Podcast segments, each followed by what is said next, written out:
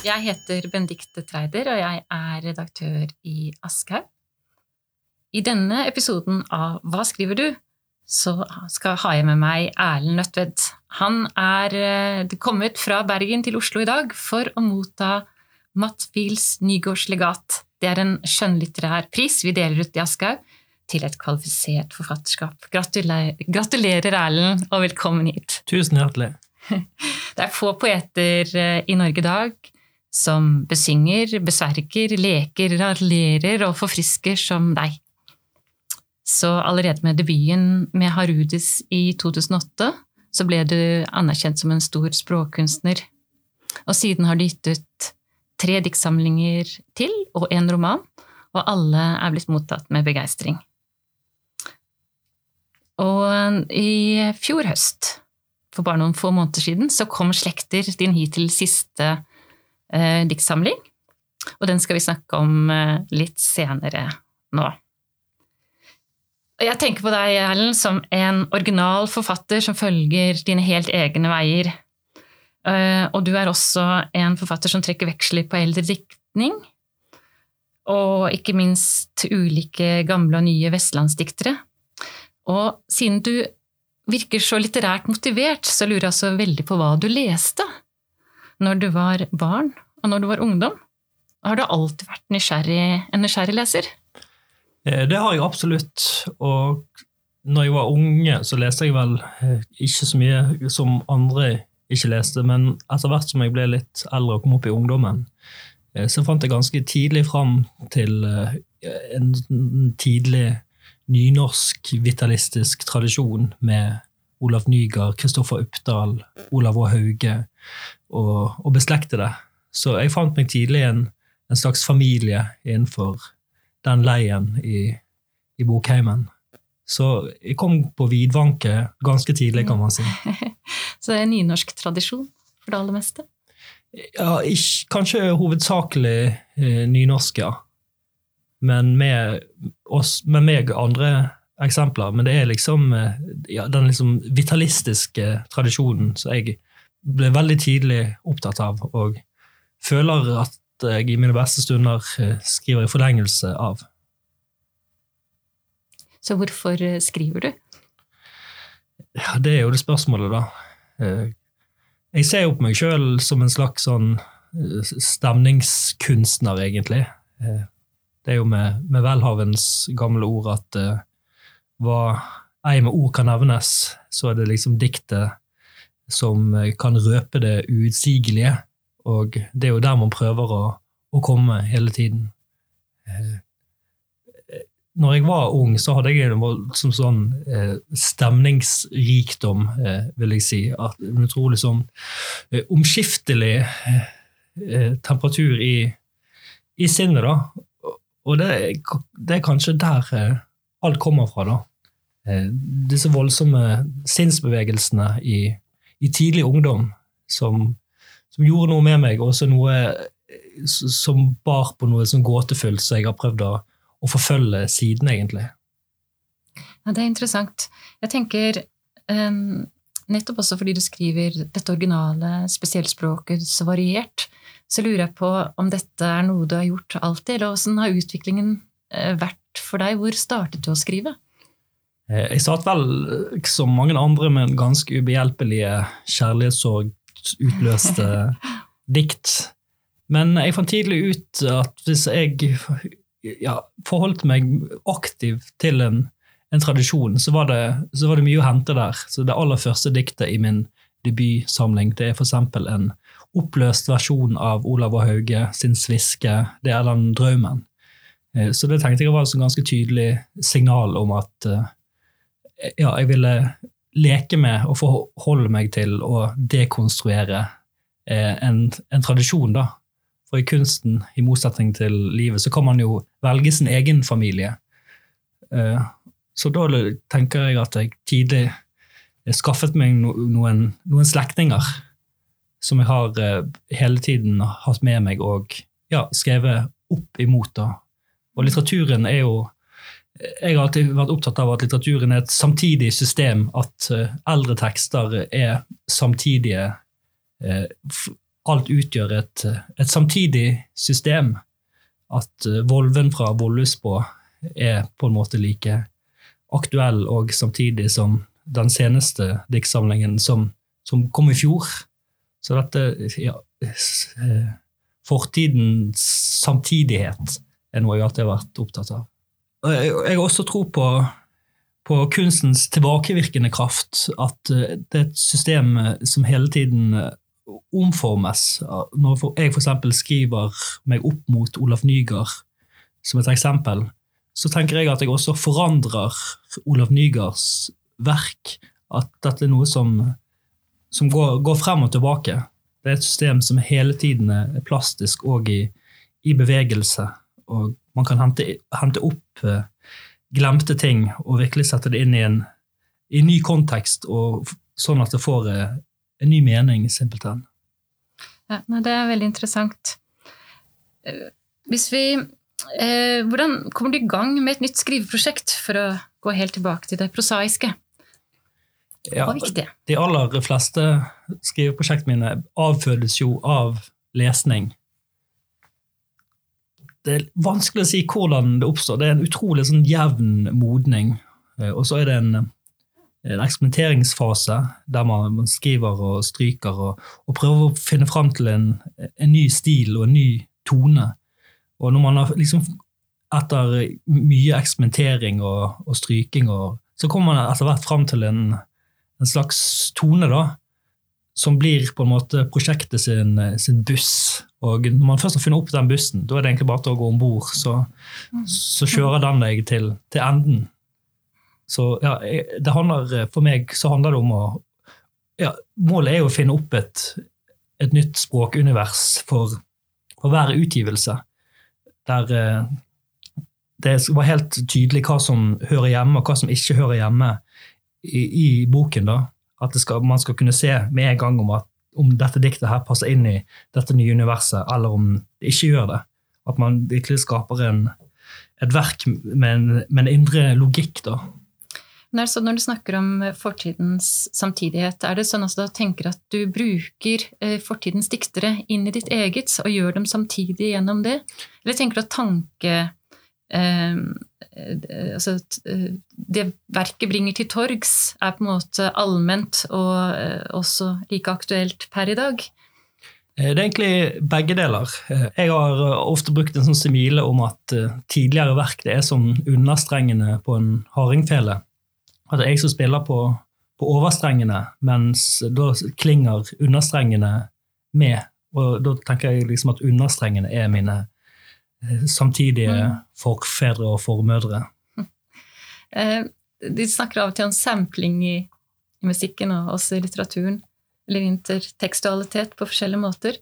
Så er det sånn at du, du rett og slett vi gjenfinner eh, dikteriske, lyriske linjer. Eh, både omskrevne og direkte i verkene dine? Eh, absolutt. Svært mange både åpne, spesielt åpne, men også skjulte sitater i, i bøkene mine. Det er ikke det tvil om. Eh, jeg har òg vært opptatt av det sånn kompilasjonsbegrepet, som jo var mer aktuelt eh, i tidligere århundrer, der ja, man rett og slett lagde kompilasjoner av forskjellige verk som man samlet inn. Og så er jeg også veldig opptatt av språkblanding. Eh, det å blande tidligere språk med nåtidig språk. Det er noe jeg har holdt på med helt fra, fra begynnelsen av mitt forfatterskap. Eh, spesielt i andre boken min, 'Bergens beskrivelse', der blandet jeg f.eks. nåtidig slang med kansellistil og mer sånn barokkstil, og blandet Absalon Beyers dagbøker fra 1500-tallet med et, et, moderne språk. Mm. Og jeg syns det opp, veldig ofte oppstår noe veldig interessant eh, når man plasserer to sånn forskjelligartede språk ved siden av hverandre. Og disse språkene er jo også bærere av verdensbilder og et spesielt syn på tilværelsen, kan man si, det, som ligger i, i selve språket. da. Og Da blir det veldig ofte interessant når man eh, legger disse side om side. Da oppstår det gjerne noe nytt og interessant veld, veldig ofte. da. Ja, absolutt. Du har skrevet fire diktsamlinger og én roman. Uh, hvordan var det å skrive prosa?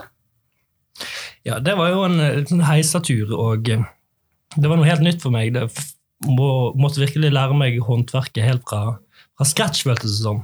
Ja. Og tiden ville jo vise om dette var bare et sidesprang og en, en parentes, men det ga meg i hvert fall stor glede å, å prøve meg inn for prosaformen. Ja. Romanen din het 'Vestlandet' og kom i 2017. og Den fikk også en sånn lang rekke med entusiastiske anmeldelser. Eh, vil du si bare litt du, du, sa det var en heisatur, men vil du si litt hva den handler om? Ja, den handler om eh, to venner som eh, legger ut på en tur rundt om på Vestlandet, der de på en måte skal eh, fange Vestlandets ånd, genius Loki.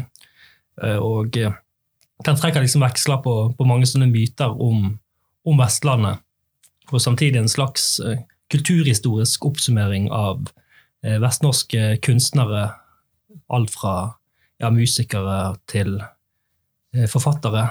Så det er på en måte en slags et, et portrett av en, en, landsdel på mange måter. I, mm. Iblandet eh, litt mer sånn slapstick-aktige elementer. ja, det er uh, Vi finner annet også et ganske politisk uh, element i denne boka, hvor, hvor, det er en farlig og usympatisk austmann uh, som, som, vi, som, vi, blir nødt til å forholde oss til underveis her. og Som, men det aller mest så møter vi Vestlandets, fri, Vestlandets frigjøringsfront. Hvem er de i din roman? Nei, Det er rett og slett en separatistorganisasjon ja. som ønsker å løsrive Vestlandet fra, fra resten av Norge, eller Oslo-Norge, som det som det kalles i romanen. ja. Mm. Men ellers så, selv om vi har snakket litt om det allerede, men selv om Vestlandet eh, er viktig for deg og i din diktning, og du har mange, eh, er opptatt av mange eh, diktere som kommer derfra, så er det kanskje norsk natur, norsk kultur, norsk språk som virker som du forholder deg veldig til det norske. Er det feil? Jeg kjenner meg egentlig ikke veldig igjen mm. i det. Eh, for jeg er ikke så opptatt av liksom, Norge som konstruksjon, eller om det er noe som er typisk norsk, eller eh, eh, sånne ting. Jeg tror det er mer det regionale jeg har vært opptatt av. Og det, jeg er veldig opptatt av det, det, særegne og partikulære. Jeg er alltid opptatt av eh, det som skiller seg ut, og det som er spesielt. I, I, alle bøkene mine, egentlig. Man er, man er, ute etter det som er litt skrudd og litt rart, og som beveger seg utenfor allfarvei. Og da er jo kanskje sånn ja, myten om Norge eh, litt for stor grad eh, allfarvei eh, for min del. At det er mer liksom de alternative narrativene og de andre verdensforståelsene som finnes, eh, spesielt i på Vestlandet som jeg har tatt utgangspunkt i.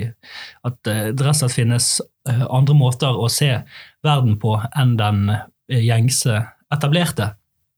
Det, så, det motkulturelle aspektet, også ved nynorsken, har, har vært viktig for meg. Mm. Det er klart at sånn som romanen 'Vestlandet' er jo også en slags fantastisk litteratur som, som går inn i Vestlandet, og den tittelen er 'Vestlandet', men du snakker jo om om mennesket og om motkulturer og om eh, eh, om å trenge inn i noe som er i ferd med å bli borte, altså noe av det tapte. Så, og, og, om det er det norske, eh, det særnorske, det som er gått tapt, eller om det er andre steder i verden, det er kanskje bare et slags sterkt bilde på noe som du samler i, i, i det norske, eller spesielt på Vestlandet. Um, nå har du skrevet uh, en nesten helt ny diktsamling. Den, den, har jo bare vært ute noen få måneder. Um, kan du fortelle litt hva som er utgangspunktet for slekter? Ja, det kan jeg godt. Det er jo rett og slett en slags slektsgranskning i, i verseform, på en måte. Eh, jeg har lenge vært interessert meg for forfedrene og formødrene mine, og har liksom drevet med litt sånn slektsforskning i, i, i en tradisjonell forstand. Men ganske tidlig så, så jeg potensialet for en slags litterær eh, bearbeidelse. Jeg så simpelthen eh, det litterære i, i disse kildene. Eh, og begynte da å lese etter det litterære i, i kildene, og ikke bare liksom navnet og årstallet som, som den gjengse slektsforsker er opptatt av. Eh, og så er jo eh, slektstavl en slags urform i, i litteraturen. Mye av, tidlige, mye av, den aller tidligste litteraturen er jo simpelthen oppramsing av, av slekter. Eh, man kan tenke på, på, Mosebøkene, man kan tenke på, på Edda, man kan tenke på ja, skaldediktning og, og sagadiktningen. da. Eh, og det er jo en form for litteratur der eh, små merknader liksom kan romme, romme et helt liv. da.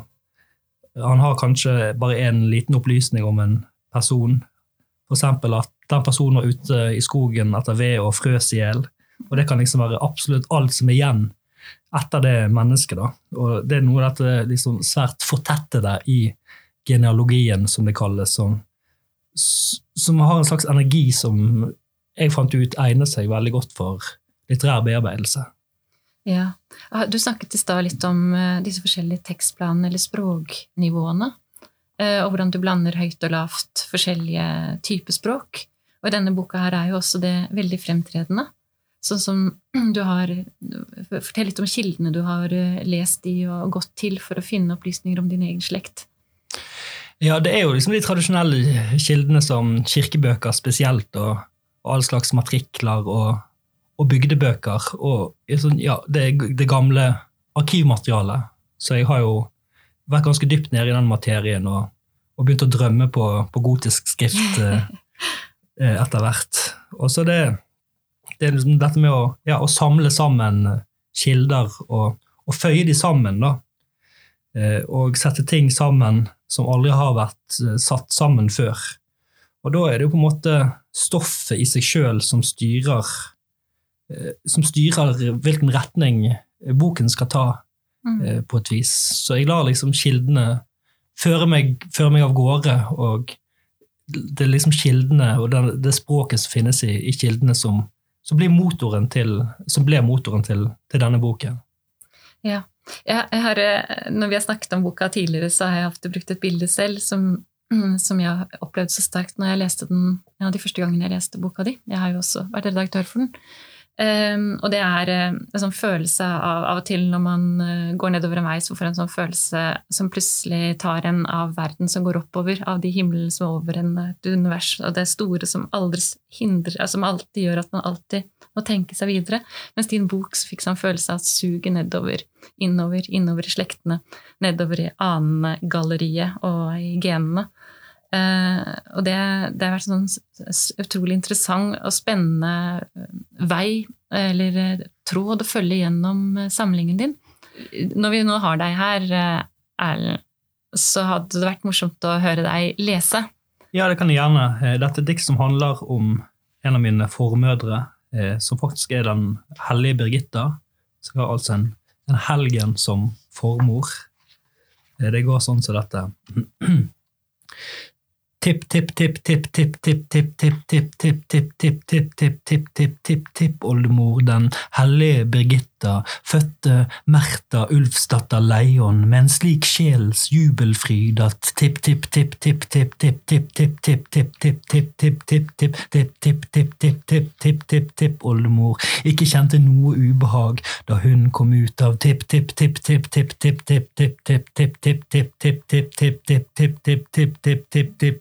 tipp-oldemors kropp eller noen smerte. Tipp-tipp-tipp-tipp-tipp-tipp-tipp-tipp-tipp-tipp-tipp-tipp-tipp-oldemor svøpte henne straks i linsvøp som tipp-tipp-tipp-tipp-tipp-tipp-tipp-tipp-tipp-tipp-tipp-tipp-tipp-oldemor lenge før hadde gjort i stand. Det er altså 18 tipp, for hun er faktisk min 18 tipp-oldemor. Det er helt utrolig. Du, har, eh, men du må nesten lese det, det, som kommer rett før oss på side 46, eh, som, som, som, innleder dette diktet.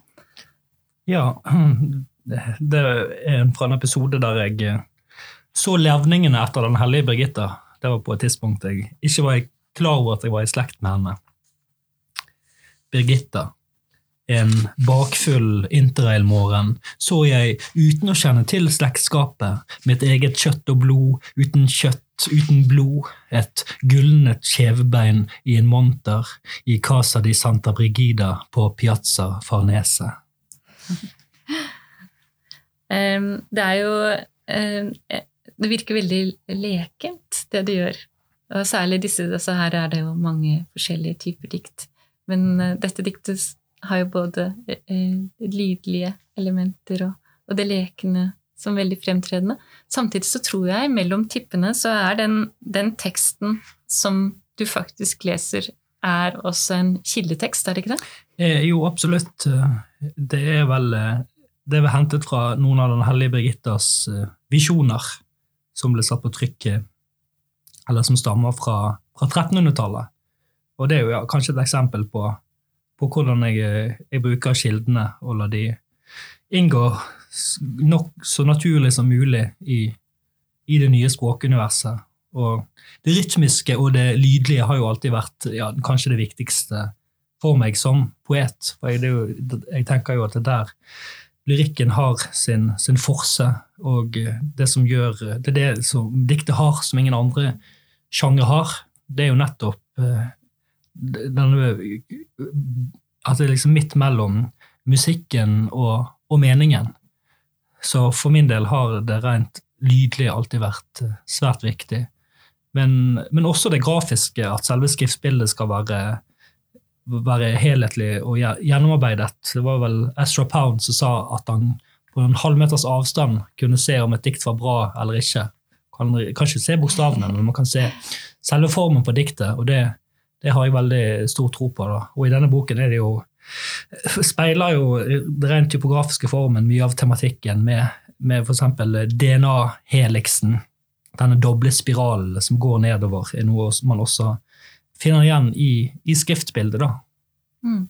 Det virker som det er en slags sånn gullgruppe å grave i det for deg her, med alt dette stoffet rundt slektene og, og masse informasjon som er puttet uh, innimellom uh, fakta. Uh, og vi har jo, Du har en flere siders lang oppramsing av hele slektstreet ditt, helt ned til jeg vet ikke hvilket ledd det vil være. Det, på et eller annet tidspunkt så blir det jo fiktivt. Ja. Men, men, jeg vet ikke hvor mange ledd du har. Det må vel være til vår felles Vi er i hvert fall i slekt på det tidspunktet, og lenge før det. Det er vi, det er vi alle. Eh, og det er òg noe så interessant med, med dette stoffet. Når eh, det liksom går over i det mytiske. Og ja, vet, jeg vet jo at mine, hvem mine oldeforeldre var, at de faktisk har fantes, og at de faktisk var eh, de de var. Men man, når man kommer langt nok tilbake i, i, i historiens eh, tåke, så er det liksom et tidspunkt der eh, ja, ja det blir nokså fiktivt da på et vis. Og dette har jeg også vært opptatt av hvordan eh, man liksom skaper en identitet, eller hvordan en slags historisk identitet skapes, og eh, ja, i, i hvilken grad våre forfedre og formødre er virksomme i, i, vårt eget liv, både gjennom det helt konkrete arvestoffet som jo er en helt sånn fysisk del vi har arvet av, av de som kom før oss. Eh, men også i, i, det sosiale, og jeg er veldig opptatt av eh, at man er å se på liksom det poetiske jeget som et uh, historisk situert uh, objekt, og prøve på en måte å undersøke hvordan fortiden på forskjellige ofte uoverskuelige måter eh, virker i oss eh, den dag i dag. Da. Det er jo noen spørsmål som, som denne diktsamlingen er interessert i. Mm. Det det er interessant, det også. Jeg eh, tenker oss på den der følelsen denne, disse diktene gir en av eh, ens, et, ens eget livs ubetydelighet. Det er noe med at du lukker opp de rommene om alle de som har levd før en, og alle de som er glemt. Eh, og vi er jo bare det sekundet, kanskje ikke det, det millisekundet i menneskenes historie som vi er her akkurat nå. Og det, det blir det er, kanskje, det er, kanskje, enkelt å si det, men diktene dine gir en sånn sterk følelse av å kjenne på akkurat det også.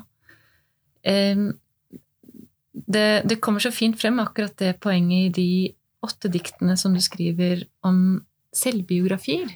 Ja. Eh, og da er det liksom ikke din selvbiografi, men noen av dine, din slekts selvbiografier. Og dette er tekster som du har plukket eh, rett fra kirkebøker, tror jeg. Eh, Nei, dette er rett fra bygdebøker. da. Bygdebøker. Og det eneste grepet jeg har gjort, da har jeg brukt de opplysningene som finnes om ja, disse åtte personene, som er nokså tilfeldig valgt.